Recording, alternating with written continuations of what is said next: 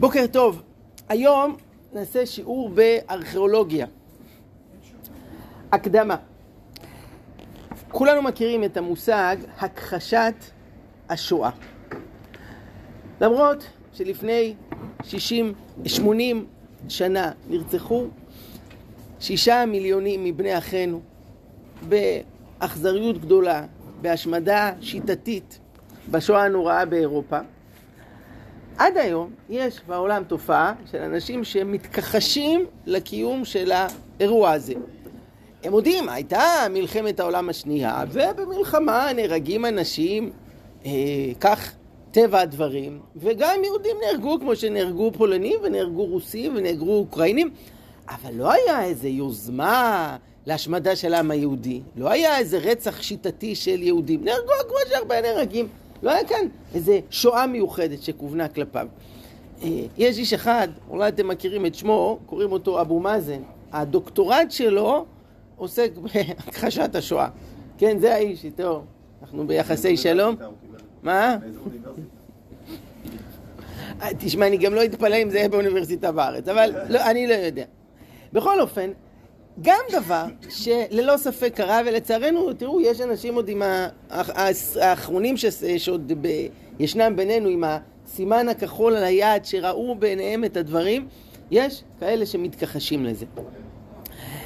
כמו שיש הכחשת השואה, יש גם הכחשת המקרא. מין תפיסה שדוגלת בזה שסיפורי התנ"ך, סיפורי המקרא, לא קרו באמת. אז מה הם? סוג של אה, מיתוסים, אגדות עם, אה, פולקלור, כן, כמו במיתולוגיה היוונית, כל מיני סיפורי אלים אה, כאלה ואחרים. מתי הם התחברו? בתקופות שונות, על ידי אנשים שונים, מכל מיני אינטרסים. ולכן למשל, סיפור כמו יציאת מצרים, עם של עבדים שיוצא לחירות ונודד במדבר ומגיע לארץ המובטחת, זה לא היה. זה לא היה. וטוב, מה שמסופר בתורה, אז כאן יש כבר כר נרחב לכל מבקרי המקרא ומי שדוגל בתפיסה הזו, אה, לעשות אה, ניתוח מי כתב איזה חלק, באיזה תקופה ומה היו האינטרסים שלו. את התורה גוזרים לכמה אה, חלקים, לכל אחד נותנים לו שם, נותנים לו אות, נותנים לו צבע, ויש הרבה דוקטורטים ומלגות ועיסוק בדבר הזה. לכאורה, מדע ארכיאולוגיה היה אמור להזים את התפיסה הזו. כלומר, שימצאו ראיות בחפירות, אה, שרידים מאותם הימים, כדי שיוכיחו שאכן יש אמת בסיפורי המקרא. הבעיה היא שארכיאולוגיה זה לא מדע מדויק. אה, אנחנו עוסקים בדברים שקרו לפני 3,300 שנה. אה, יש דברים ששורדים, יש דברים שלא, וגם מה ששורד, הרבה דברים נתונים לוויכוחים, איך לתארך את זה ומה המשמעות אה, של כל מבצע. כלומר, אפשר להתווכח על הרבה מה, מהדברים, אבל זכינו ובדור שלנו התגלה ממצא שיש לו משמעות עצומה. אני אגיד את זה באופן חריף, שאם היה פרס נובל לארכיאולוגיה, אז הוא היה זוכה, אה, מי שגילה אותו, וזה גילוי מדהים שקשור לפרשת השבוע שלנו.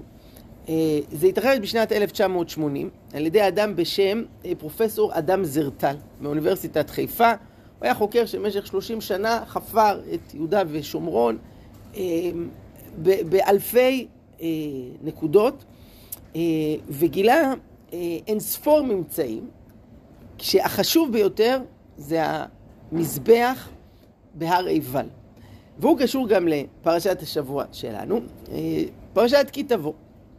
פרשה פותחת בעניין הביקורים, ואחרי זה אה, אה, מתוארת ההכנות לכניסה לארץ, ושם משה רבנו אומר לעם ישראל שביום שבו אתם תיכנסו לארץ, יש משימה מיוחדת שאתם צריכים לעשות. הוא אומר ככה: והיה ביום אשר תעברו את הירדן, אל הארץ אשר השם אלוקיך נותן לך, והכמותה לך אבנים גדולות וסדת אותם בסיד. וכתבת עליהן את כל דברי התורה הזאת בעוברך, למען אשר תבוא אל הארץ אשר השם אלוקיך נותן לך. כלומר, להקים מין מצבה של אבנים גדולות, ולכתוב עליהם את דברי התורה למזכרת. והוא ממשיך, והיה בעובריכם את הירדן, תקימו את האבנים האלה, אשר אנוכי מצווה אתכם היום בהר עיבל. הר עיבל נמצא אה, בשומרון, ואומר משה, אחרי שתעברו את הירדן בהר עיבל, אתם צריכים להקים שם את אותם אבנים וסטה אותם בסיד, ובנית שם מזבח להשם אלוקיך, מזבח אבנים, לא תניף עליהם ברזל. אבנים שלמות תבנה את מזבח השם אלוקיך, ועלית עליו עולות, וזבחת שלמים, ואכלת שם, ושמחת לי לפני השם, וכתבת האבני, על האבנים את כל דברי התורה הזאת באר היטב. כך מצווה משה. אנחנו ממשיכים קדימה לספר יהושע, בפרק ח', משה רבנו כבר איננו איתנו, ומתואר שעם ישראל נכנס לארץ, ובפרק ח' מתואר בדיוק את הביצוע של הדבר הזה. כלומר עוברים את הירדן, לוקחים את האבנים, מגיעים להר עיבל, ושם מקימים את מצבת האבנים ואת המזבח, ומקריבים עליו אה, אה, ועושים שם אירוע בנוכחות כל קהל ישראל, הנשים ואתה והגר אשר בקרבכם. אנחנו מדלגים עכשיו 3,300 שנה קדימה אל הדור שלנו. כאמור פרופסור אדם זרטל עושה במשך שנים מחקר יסודי אה, על פני אה, שטחים אה, עצומים ביהודה ושומרון כדי לגלות אה, ממצאים אה, מן העבר.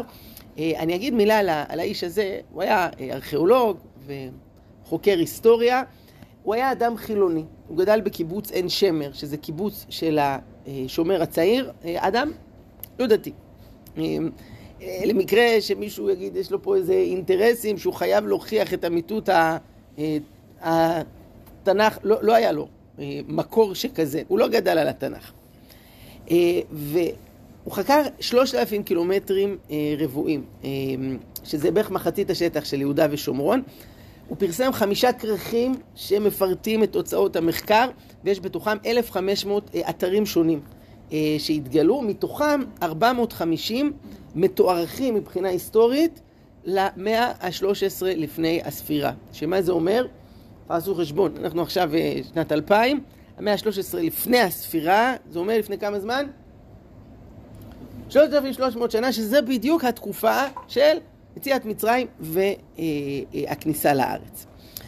אה, אז גילו שם המון ממצאים מהתקופה הזו, אבל הדרמטי מכולם, אה, זה היה אה, המזבח. אה, אראה לכם פה תמונה, כן, מי שרוצה תסתכלו אחרי זה בספר יותר, יותר מקרוב.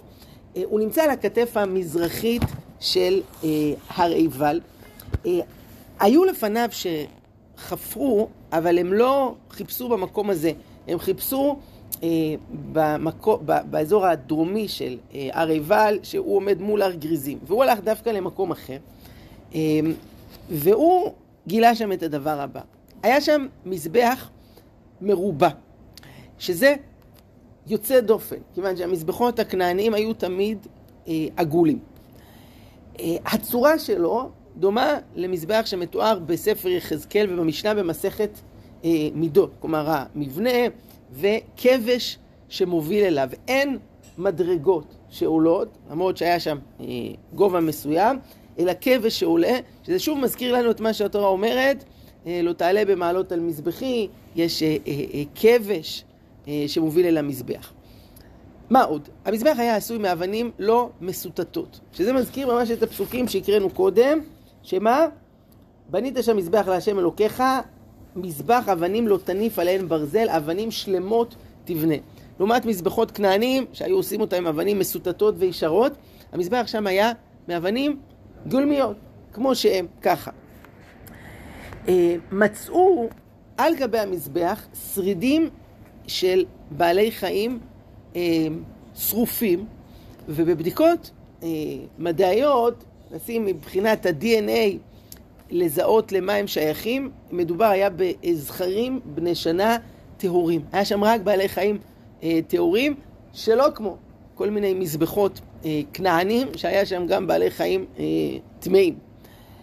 אחד הדברים המשמעותיים שנמצאו שם זה שתי אה, חרפושיות מצריות, זה מין חותמת אה, כזאת קטנה, מצריות, שזה אומר שכנראה האנשים שהיו שם במקום, אה, מאיפה הגיעו, יש להם איזשהו קשר למצרים. מה לא היה שם? לא היה שם אה, צלמיות אליליות, כלומר כל מיני אה, פסלים, כמו שהיה אפשר למצוא בשפע בשכם הכנענית, שנמצאת לא רחוק משם, לא היה באזור הזה שום דבר שכזה. שני דברים נוספים זה שאין שום יישוב בצמוד למזבח. וזה דבר מפתיע, כי תמיד המזבחות היו קרובים אל היישוב, או שאני היו בתוך מקום יישוב, כי זה היה חלק מהחיים של אנשי המקום. כאן יש מזבח שהוא לא קשור לשום אה, יישוב, אין איזה מישהו שהיה גר בסביבה, כאילו מישהו בא לשם, הקים שם איזה מזבח, והדבר הנוסף, שרואים שהאתר נעזב ללא סימני אה, חורבן וכיסו אותו. כמו שקוברים, מכסים דברים אה, מקודשים, זה לא שמישהו אה, החריב את זה ונהרס עם השנים, פשוט המקום נעזב כמו שהוא אחרי שכיסו אותו אה, באפר. הגילוי הזה אה, עורר אה, אה, תדהמה ושתיקה אצל רבים מבין החוקרים.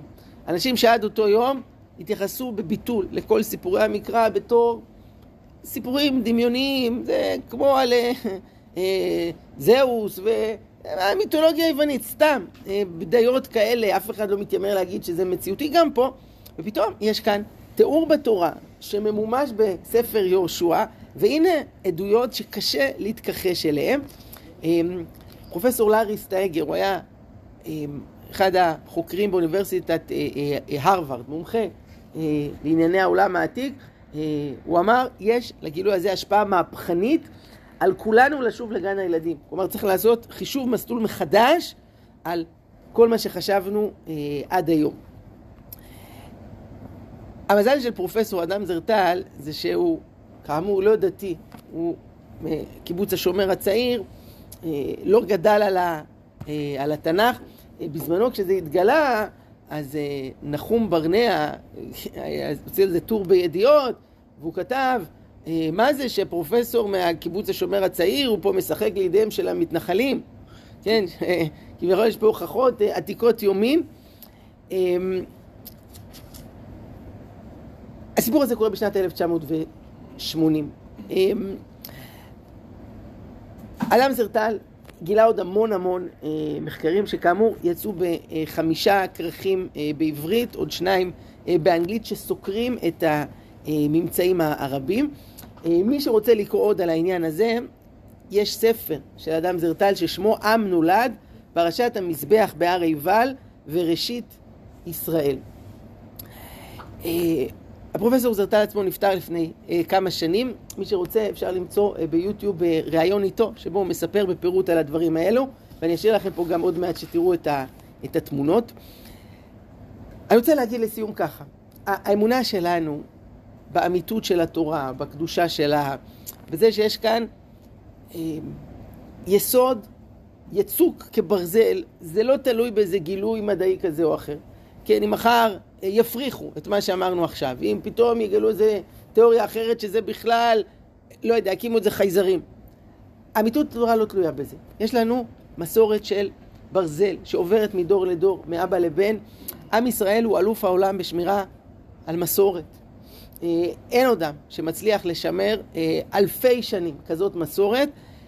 ותראו, אה, אנחנו מדבר פה על מזבח כזה או אחר, האמת היא ש, שאנחנו בעצמנו, בחיים שלנו, זה סוג של הגשמה של אה, נבואה. כשאתה רואה את שיבת ציון, וקיבוץ גלויות, ואת הארץ הפורחת, וזקנים וזקנות, וילדים וילדות בחובות ירושלים, לא, לא צריך דבר יותר ברור וחזק מזה. אלא מה? מי שעוצם עיניים, מי שמעקם את השכל, בן אדם מסוגל, גם כשהשם מזורחת, להגיד שעכשיו לילה. צריך ללמוד בישיבת מרכז הרב, וזוכר את רב אברום שפירא, צריך לציין לברכה, ראש הישיבה, אז ביום העצמאות, אז הוא דיבר על הפסוק שמובא במזמור קד נדמה לי, שאומרים בתפילות של יום העצמאות. זה מזמור שמתאר כל מיני אנשים שעברו צרות ונגאלו. אז סוף המזמור שמה זה יראו ישרים וישמחו ויתבוננו חסדי השם. הוא אמר, בשביל לראות את האמת, לראות את מה שהקדוש ברוך הוא עושה איתנו, לא צריך להיות גאון, לא צריך להיות פרופסור באוניברסיטה, צריך להיות בן אדם ישר. כי האמת היא פה, היא נוכחת, היא ברורה, וודאי כל מה שהדור שלנו ראה, אז, אז אי אפשר להתבלבל מזה. אלא אם כן, בן אדם בוחר לעצום עיניים ולהתבלבל. הסיפור הזה של המזבח של יהושע בהר עיבל זה עוד אה, אחת ההזדמנויות שקיבלנו איזה דרישת שלום מהעבר, שפתאום בדור שלנו זכינו ומקבלים איזה דש במשה רבנו ויהושע מלפני 3,300 שנה.